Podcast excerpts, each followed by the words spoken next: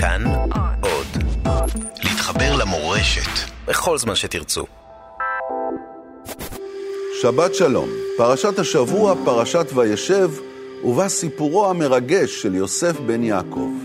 סיפור על ילד יפה וברוך כישרונות שמתייתם מאימו בגיל צעיר, וצריך לפסוע בדרך הארוכה והקשה להגשמת חלומותיו וייעודו. זה גם סיפור על אחים ועל קנאה, על נפילה לבורות, חלומות והגשמתם. סיפור על נפילה גדולה, אבל גם על נסיקה אדירה למרומים. מי היה יוסף? האם חייבים ליפול לבור שחור כדי להגשים את החלומות והייעוד? המשורר אמיר אור ילווה אותנו עם יוסף ועם אחיו בדרך הקשה אל החלומות.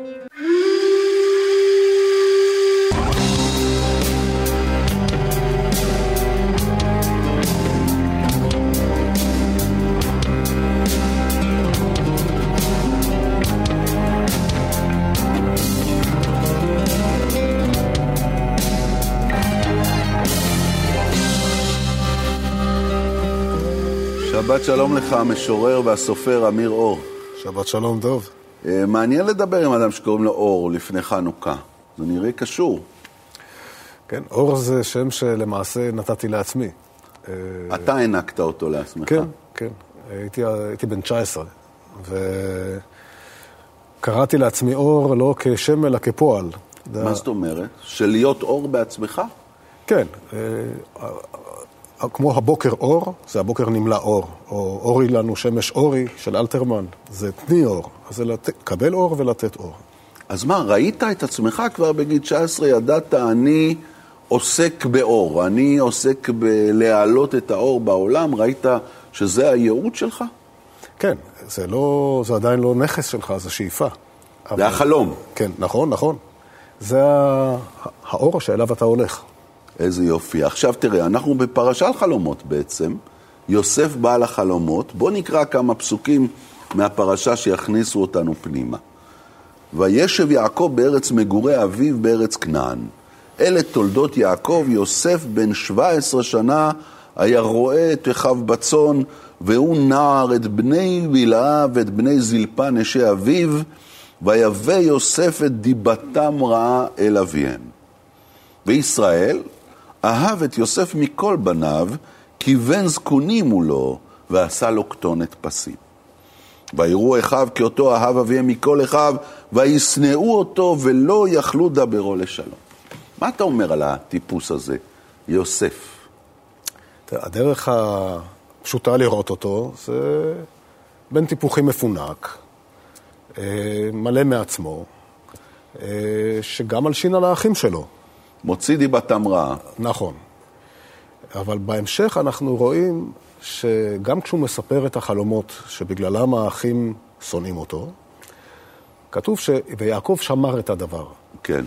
כלומר, אה, זה לא בטוח שזה משחצנות, זה מה שהוא ראה. אולי הוא היה יותר מדי תמים לספר להם את זה. וגם את להביא את דיבתם רעה אפשר לראות ביותר מצורה אחת. איך אתה רואה את זה? אה, אם אני רואה חטא, עוול, פשע של מישהו, האם אני צריך במרכאות להלשין או לשתוק? אני חושב שהאחריות, גם כלפי החוטאים, היא לא לשתוק. לא לשתוק. לא, כי אחרת איך הם יתקנו את זה? Mm. אה, השאלה מאיזה מקום אתה בא. האם אתה בא באמת ממקום של אחריות, או שאתה בא ממקום של שטינקר, מה שנקרא. בדיוק, בדיוק. מלשן. כן. זאת אומרת, האם אני בא להזיק או בא לתקן? Mm.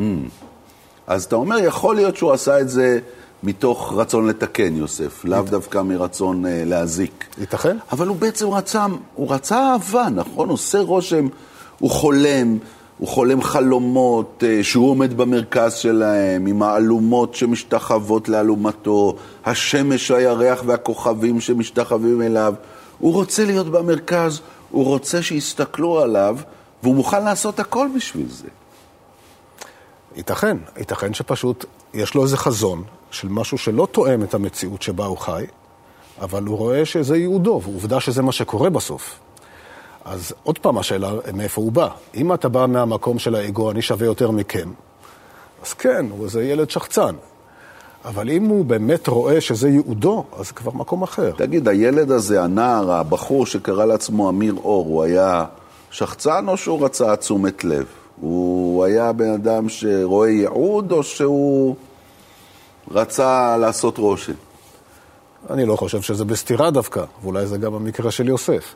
אני חושב שהרגשתי שיש לי איזשהו ייעוד בעולם, שאני כאן בשביל לעשות משהו, גם בשבילי וגם בשביל אחרים. אה, זה לא אומר שלא רציתי בתשומת לב.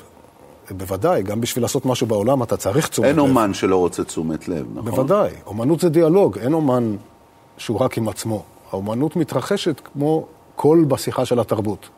היא לא בדלת אמות אה, נשארת לעולם, אחרת היא לא אומנות. אבל אתה יודע, אני קורא בספרך החדש, ממש שיצא עכשיו לאור, בהוצאת הקיבוץ המאוחד, ספר שירים חדש שלך, ילד. ילד. עם הפרצוף שלך כילד בן שבע, נכון, בתל אביב. ויש פה גם שירים ש... שמתארים את, ה... את הנפילה של הילד, ומאוד מאוד הזכיר לי את יוסף במובן הזה של uh, מישהו שרואה רחוק ורואה גבוה, אבל המציאות מסביב לא תמיד מסתדרת, ואז מה שקורה, אנחנו יודעים מה קורה. אבא שלו שולח אותו לראות מה שלום אחיו בצאן, וכשהוא מגיע, והתנכלו אליו לאמיתו, הנה בעל החלומות הזה בא לקראתנו, בואו נשליך אותו לבור ונראה מה היו חלומותיו ו- ודבריו. אחר. אתה מכיר סיטואציה כזו גם מהחיים שלך? אה, כן, האמת אה, שהספר הזה הוא בדיוק על סיטואציה כזו, הוא מתחיל מסיטואציה כזו. מה זאת אומרת? אה, הסיטואציה של להיות הבן האהוב, הנבחר, שמושלך לבור. מה, היית בן תפנוקים של אימא ואבא, ילד שהסתכלו עליו? ש... לא יודע אם בן תפנוקים, אבל קיבלתי הרבה אהבה. אה, למדתי בבית ספר במקום שהייתי מאוד מקובל, המורים העריכו אותי. תל אביב. כן. הבנות אהבו אותי, הבנים חיפשו את קרבתי. הייתי מאוהב במישהי, הכל היה טוב. אה, בכיתה ב' העבירו אותי לבית ספר אחר. ושם... אה, ואימא. שלך הייתה מורה שם, לא? בבית ספר הראשון. כן. כן. ואז, כאילו, איבדתי, כן? עברתי לבית ספר אחר, מקום אשר לא ידע את יוסף. ושם מנהיגי הכיתה הטילו עליי חרם, כי הייתי איום על המעמד שלהם. Mm, ראו איזה גורם זר שנכנס פה לסביבה. כן, ובנוסף לזה, השיעורים די שיעממו אותי. אז המורה הייתה שואלת שאלות, אני הייתי מיד עונה בלי להצביע, והיא אה, בתור עונש זרקה אותי לבור, שלחה אותי לשבת בכיתה א'. אה, הורידו אותך כיתה? או שזה היה העונש? זה היה עונש, לך שב בכיתה א', אוקיי. אבל זה היה יום אחרי יום, שנה אחר שנה. שלוש שנים. בכיתה א'? כן. וואו. ומה שקרה זה גם שאימי, שהיא אישה יקרה משכמה ומעלה, שאני מאוד קרוב אליה, אה, היא גיבתה את המורה. היא אמרה לי שאני צריך לשמוע בקולה, ואני חוויתי את זה כבגידה. של אימא? של אימא. ומהשלוש שנים האלה אני יצאתי לעולם שהוא נראה לי כמו שדה קרב, ואני הבנתי שאני לבד במערכה, לגמרי לבד. אה, אני מספר את הסיפור הזה כי משם זו הייתה חוויה מכוננת, שגם שלחה אותי לאיזושהי דרך רוחנית, כי הנפילה הזאת, נפילה מגן עדן, לעמק הבכה של העולם הזה, של העולם של הנפרדות, שממנו אנחנו רוצים לחזור למקום שלם של אמון, של אהבה, של אחדות. זו בעצם העבודה. והבנתי שאני צריך ליצור עולם. והדרך שלי ליצור את זה הייתה כאומן, כמשורר. אתה יודע, זה מדהים, אני מסתכל עליך עכשיו, אמיר, והעיניים שלך נשטפות בדמע. כי אתה חווה את, ה, את הבור הזה של, ה, של הילדות, ואתה מרגיש את האפלה שוב. כן, לגמרי. זה היה ממש בור, אה? כן, זה היה בור קשה. כמו יוסף, הילד האהוב. נזרק לבור. נזרק לבור, מפשיטים ממנו את הכותונת של העדפה, של כתונת הפסים, והאחים שלו בעצם לא מוכנים לשמוע את הצעקות שלו, והוא יודע שהוא ממש לבד בעולם. והוא צריך לעשות עכשיו את הכל לבדו. אז איך, איך הדרך? הוא עושה, הוא עושה דרך מאוד מאוד קשה, הוא נופל לבור, באים משמעאלים וסוחרים, והוא עובר מיד ליד, הוא הופך להיות עבד, סוחרים בו, מוכרים אותו לפוטיפר המצרי, הוא הופך להיות עבד במצרים, ואז אנחנו פוגשים את הסיפור המרתק של יוסף ואשת פוטיפר. איך אתה קורא את הסיפור הזה? טוב, גם כאן קל לקרוא את זה כסיפור של יוסף, זה סיפור של MeToo, כן? מה שהיום עושים. כן, עשו לו הטרדה מינית, והיא אה, מין טורפת מינית כזו, כן? היא, היא בשליטה, הוא משרת. היא האדונית. כן, היא ה top dog פה, כן? היא, היא האדונית. ומה שהיא רוצה, אז היא רוצה את יוסף. אבל אפשר לקרוא את זה גם אחרת. אה, אני, כשקראתי את זה, נזכרתי בפיידרה של אוריפידס, ששם היא, פיידרה מתאהבת בבן המאומץ שלה, בבן החורג. היפוליטוס. כן, בהיפוליטוס.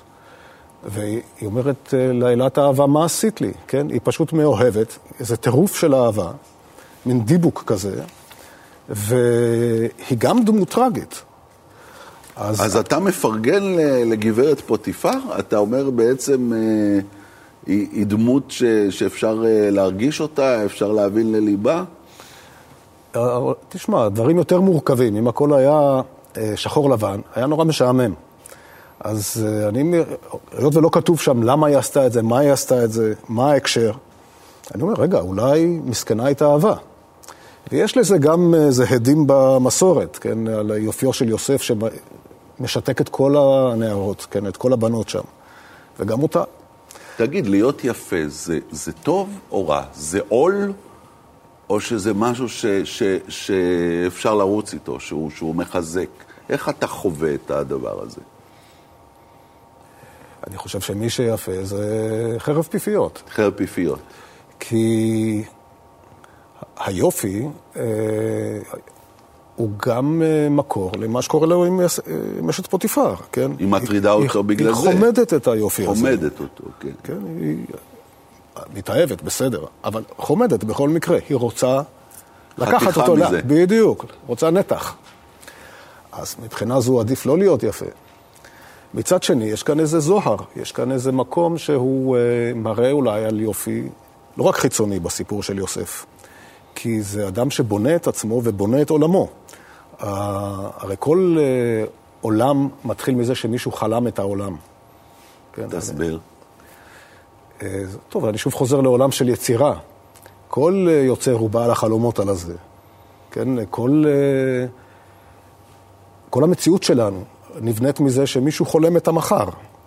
עכשיו, אומן בא ובעצם, מה הוא עושה? יושב שם ובוהה, כן, המשורר או סופר. אבל הוא בורא עולמות, בורא עולמות שלא היו קודם. והוא מציע לנו לחוות אותם.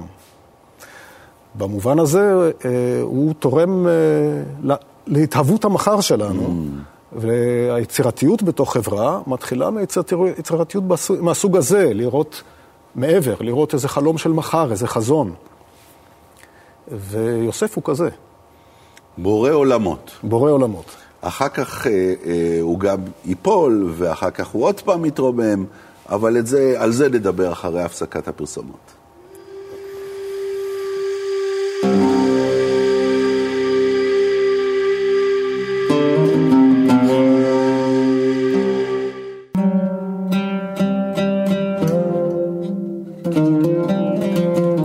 בין השמשות, פרשת אה, וישב איתך המשורר והסופר אמיר אור, דיברנו על יוסף, על העליות והנפילות שלו, ופה בספר החדש שלך באמת יש את, ה, את הילד הזה, שחולם גבוה וגם נופל. שיר שמאוד נגע לליבי, נגוע, שכתבת פה בספר. אולי תקרא לנו את, את השיר הזה, בבקשה. נגוע. מלאך שנפל תמיד זוכר, הגובה הוא העומק, הכנפיים, הפחד. עירום ועריה בשלכת ליבו, הוא נושר ונושר. מלאך שנפל מאהבה אל תקווה, לשווא יחבוט כנפי רפאים. רעב וצמא, ידיו פרוסות, אל נפשו לנדבה. איך ישכח, איך ישמח, מלאך שנפל, בחלקו שידע שמי כוכבים. Mm, מלאך שנפל. כן. יש הרבה מלאכים שנפלו במקרא. אה, כן, אבל גם כולנו מלאכים שנפלו. מה זאת אומרת? כולנו נפלנו לעמק הבכה הזה של הנפרדות. כולנו באנו מאיזה מקום של אחדות, כשהיינו בגודל של הנשמה שלנו, ונפלנו הנה, ואנחנו מחפשים בחזרה את האחדות הזו, מחפשים בחזרה את האהבה ואת האמון ואת החיבור. וזה הסיפור אה, של האדם. אתה מדבר בצורה מאוד רליגיוזית. זאת אומרת, אה, אתה באמת מאמין שבאנו מתוך האינסוף, באנו מהאחדות של האינסוף. זו תפיסת עולמך? כן. ואף על פי כן אתה חילוני, אתה לא מגדיר את עצמך כאדם אה, דתי בוודאי. תראה, אם הולכים ממש למילים ואני משורר, אז חילוני זה מלשון חול. Mm. אני לא... אתה לא בחול. אני לא בחול. זה לא אומר שאני בהכרח ביהדות. אתה יודע, לני ברוס, הסטנדאפיסט, פעם אמר שהרבה אנשים עוזבים את הדת עכשיו וחוזרים לאלוהים. אז אני שם. אני חושב שדת היא עניין קודם כל אישי. דת היא לא מקום גם של אמונה, היא מקום של ידיעה, היא מקום של מה שאתה חווה, מה שאתה מגלה.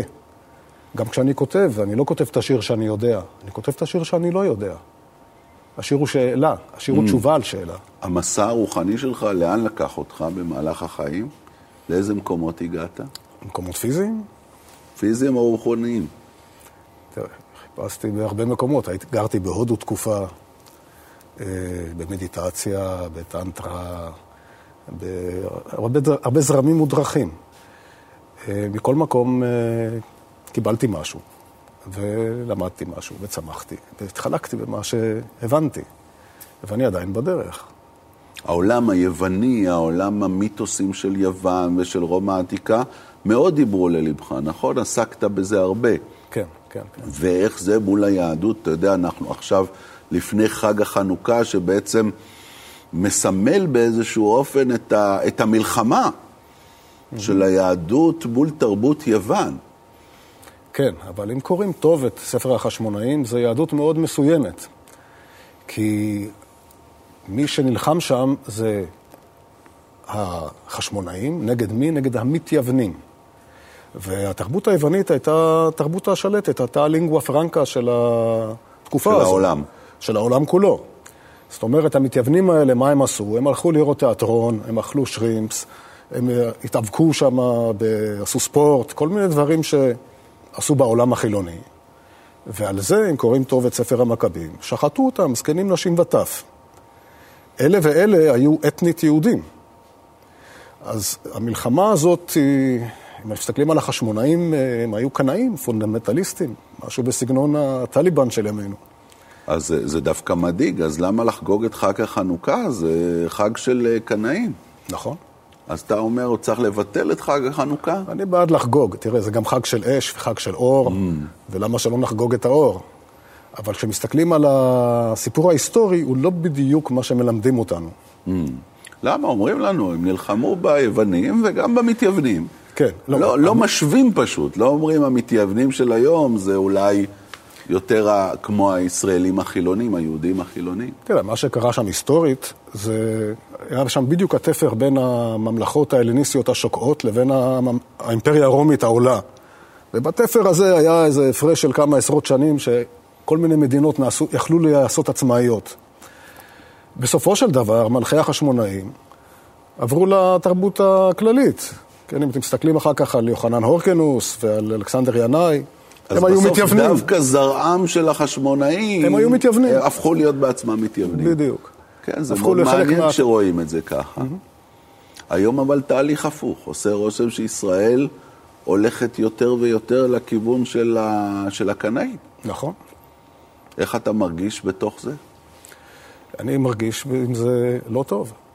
זה גם כיוצר, אבל גם כאזרח. אני חושב שהמקום שאנחנו צריכים ללכת אליו זה מקום, כמו שאמרתי, של יותר אהבה, של יותר חופש, של יותר כבוד הדדי, איש לזולתו. והמקום של הקנאה זה להגיד, אני באתי עכשיו עם האמת בכיס, ואתה תעשה מה שאני אומר, או ש... ואומנים מרגישים את זה מיד, מפני שאומנים הם אה, חושבים אה, ומרגישים בשביל עצמם בכל תרבות, ולכן גם ניסו להשפיט אותם, כן? מהכנסייה הנוצרית עד רוסיה הסובייטית. והיום יש לנו חוק הנאמנות, אי אפשר להגיד ליוצר מה ליצור. אי אפשר להגביל את היצירה בכלל. תראה, יוסף בסופו של דבר יוצא מן הבור. אבל איך הוא יוצא מן הבור? מגיעים שני שרים, אה, שר האופים ושר המשקים, כל אחד מהם חולם חלום אחר. בואו אולי נקרא אה, אה, את הקטע הזה שבו הם חולמים את החלום, ויחלמו חלום שניהם, איש חלומו בלילה אחד, איש כפתרון חלומו, המשקה והאופה, אשר למלך מצרים, אשר אסורים בבית הסוהר. יוסף רואה אותם שהפרצוף שלהם קצת זועף, והוא שואל אותם מה קרה, והם באמת, שר המשקים מספר ראשון בחלומי, ראיתי את פרעה ואני סוחט אה, אה, ענבים, אשכול ענבים, לתוך כוסו של פרעה, ויוסף אומר לו, אתה תוך שלושה ימים יוצא מהבעיות שלך, חוזר חזרה למשרדך הראשונה. לשר האופים הוא אומר בדיוק הפוך, עוד שלושה ימים פרעה מוריד את ראשך מעליך. תגיד, יש לך מושג אולי איך יוסף הפך להיות פותר חלומות? מחולם חלומות הוא הופך להיות פותר חלומות. מה זה בדיוק התהליך הזה ש- שיוסף עובר? אני חושב שאם אתה מבין, אם יש לך תובנה מה החלום אומר, כשאתה חולם אותו, אז אתה גם יכול לראות את זה אצל אחרים. אגב, גם לאחים שלו אין שום בעיות לפתור את חלומותיו, כן? ולאבא שלו. החלומות האלה הם יותר מורכבים, זה נכון.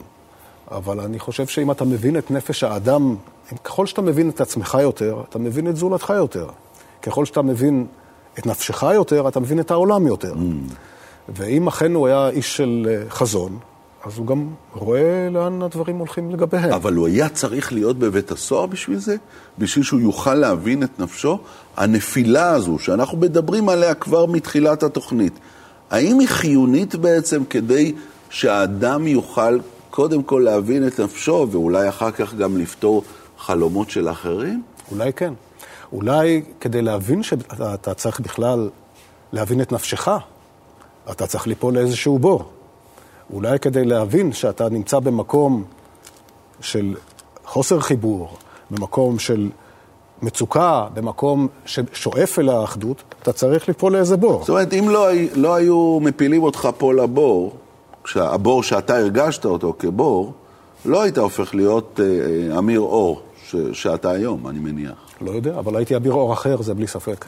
ורק היום יכולת לגעת בזה, בדבר הזה, ממש אחרי כל כך הרבה שנים. כן, אני, זה לא שלא נגעתי בדבר הזה, אבל פתאום זה בא דרך היצירה.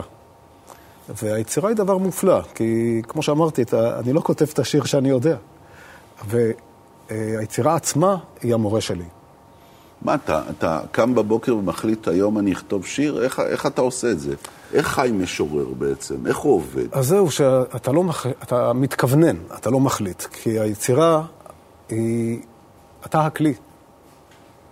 מה שנכנס, נכנס. אתה רק יכול להשאיר את הדלת פתוחה. ואם אתה באמת משאיר את הדלת פתוחה, אתה מקבל באמת מה שאתה צריך. תראה, אתה גם כותב אה, אה, פרוזה. וזה מאוד מעניין, אין הרבה משוררים שכותבים פרוזה ואין הרבה סופרים שכותבים שירה. כי לכאורה זה שני אה, עולמות שונים, כי נגיד אה, פה כתבת ספרך, הממלכה, שהוא ספר אה, שמבוסס על חייו של דוד המלך. ספר עב כרס, שאותו לא כותבים כשפותחים את החלון. זה ספר, ספר בפרוזה, כמו שאני יודע, אתה צריך לקום בבוקר, לשנס מותניים ולשבת לכתוב, אחרת זה לא יקרה. הספר לא ייכתב מאליו. זאת אומרת, זה שני כיוונים שונים לגמרי, נכון? נכון. טכניקות שונות של הכתיבה, כיוונונים אחרים. נכון, נכון. גם כשאני כותב פרוזה, אני בדרך כלל נוסע לכתוב. נוסע מתבודד באיזשהו מקום? כי אני חי את הספר. אם אני לא יודע מה קורה בפרק הבא, אז אני נרדם לעשר דקות ואני חולם את זה. Mm. כאילו, אני חי בתוך הספר 24 שעות. אתה חולם את הפרקים. אני רואה אותם. Mm. ואם אני לא רואה אותם, אז אני אראה אותם בח... בשינה. Mm. אני חי את הספר. הספר נוצר כל הזמן, 24 שעות. וזה באמת עבודה אחרת לגמרי. זה מרתק מהבחינה הזו, כי אתה חי בתוך עולם שאתה יוצר. או שנוצר מסביבך, אני כבר לא יודע איך לקרוא לזה. למה בחרת לכתוב ספר על דוד ועל uh, קורותיו? זו דמות שריתקה אותי, פשוט מאוד. זו דמות מאוד מורכבת, אולי הכי מורכבת בתנ"ך שאני מכיר. הוא מצד אחד uh, משורר, ומצד השני הוא... מלך. מלך הוא גם, עוד לפני זה הוא ראש כנופיה, שגם, איך להגיד, יכול להרוג אנשים בכלל בלי הניד עפעף. והוא uh, מחזר, הוא גם uh, מאהב, uh, הוא, כל, הוא כל כך הרבה דברים, uh, שכמעט קשה להאמין שיש דמות שמכילה את כל זה. וכשאתה קורא את הסיפור ב... ועושה לו דמיתולוגיזציה, זאת אומרת, אתה קורא את זה כאילו זה קרה עכשיו. הדמות עוד יותר מרתקת. וכל מיני דברים בסיפור נעשים... זה נוגע לעכשיו? הספר הזה בדיוק. נוגע לימינו? כן. איך? תראה, כל מיני דברים שקורים כאן קשורים למציאות פה. איך? יש פה בעלי הון שמנהלים את העניינים. יש פה... הפלישתים עוצרים את הישראלים במחסום. הפוך. כן. יש פה איזה מין מראה. אז בעצם כתבת את זה כספר שיש לו רלוונטיות לימינו, לחיים במדינת ישראל? בהחלט. וגם השפה שהם מדברים היא שפה עכשווית. Mm. שפה עכשווית.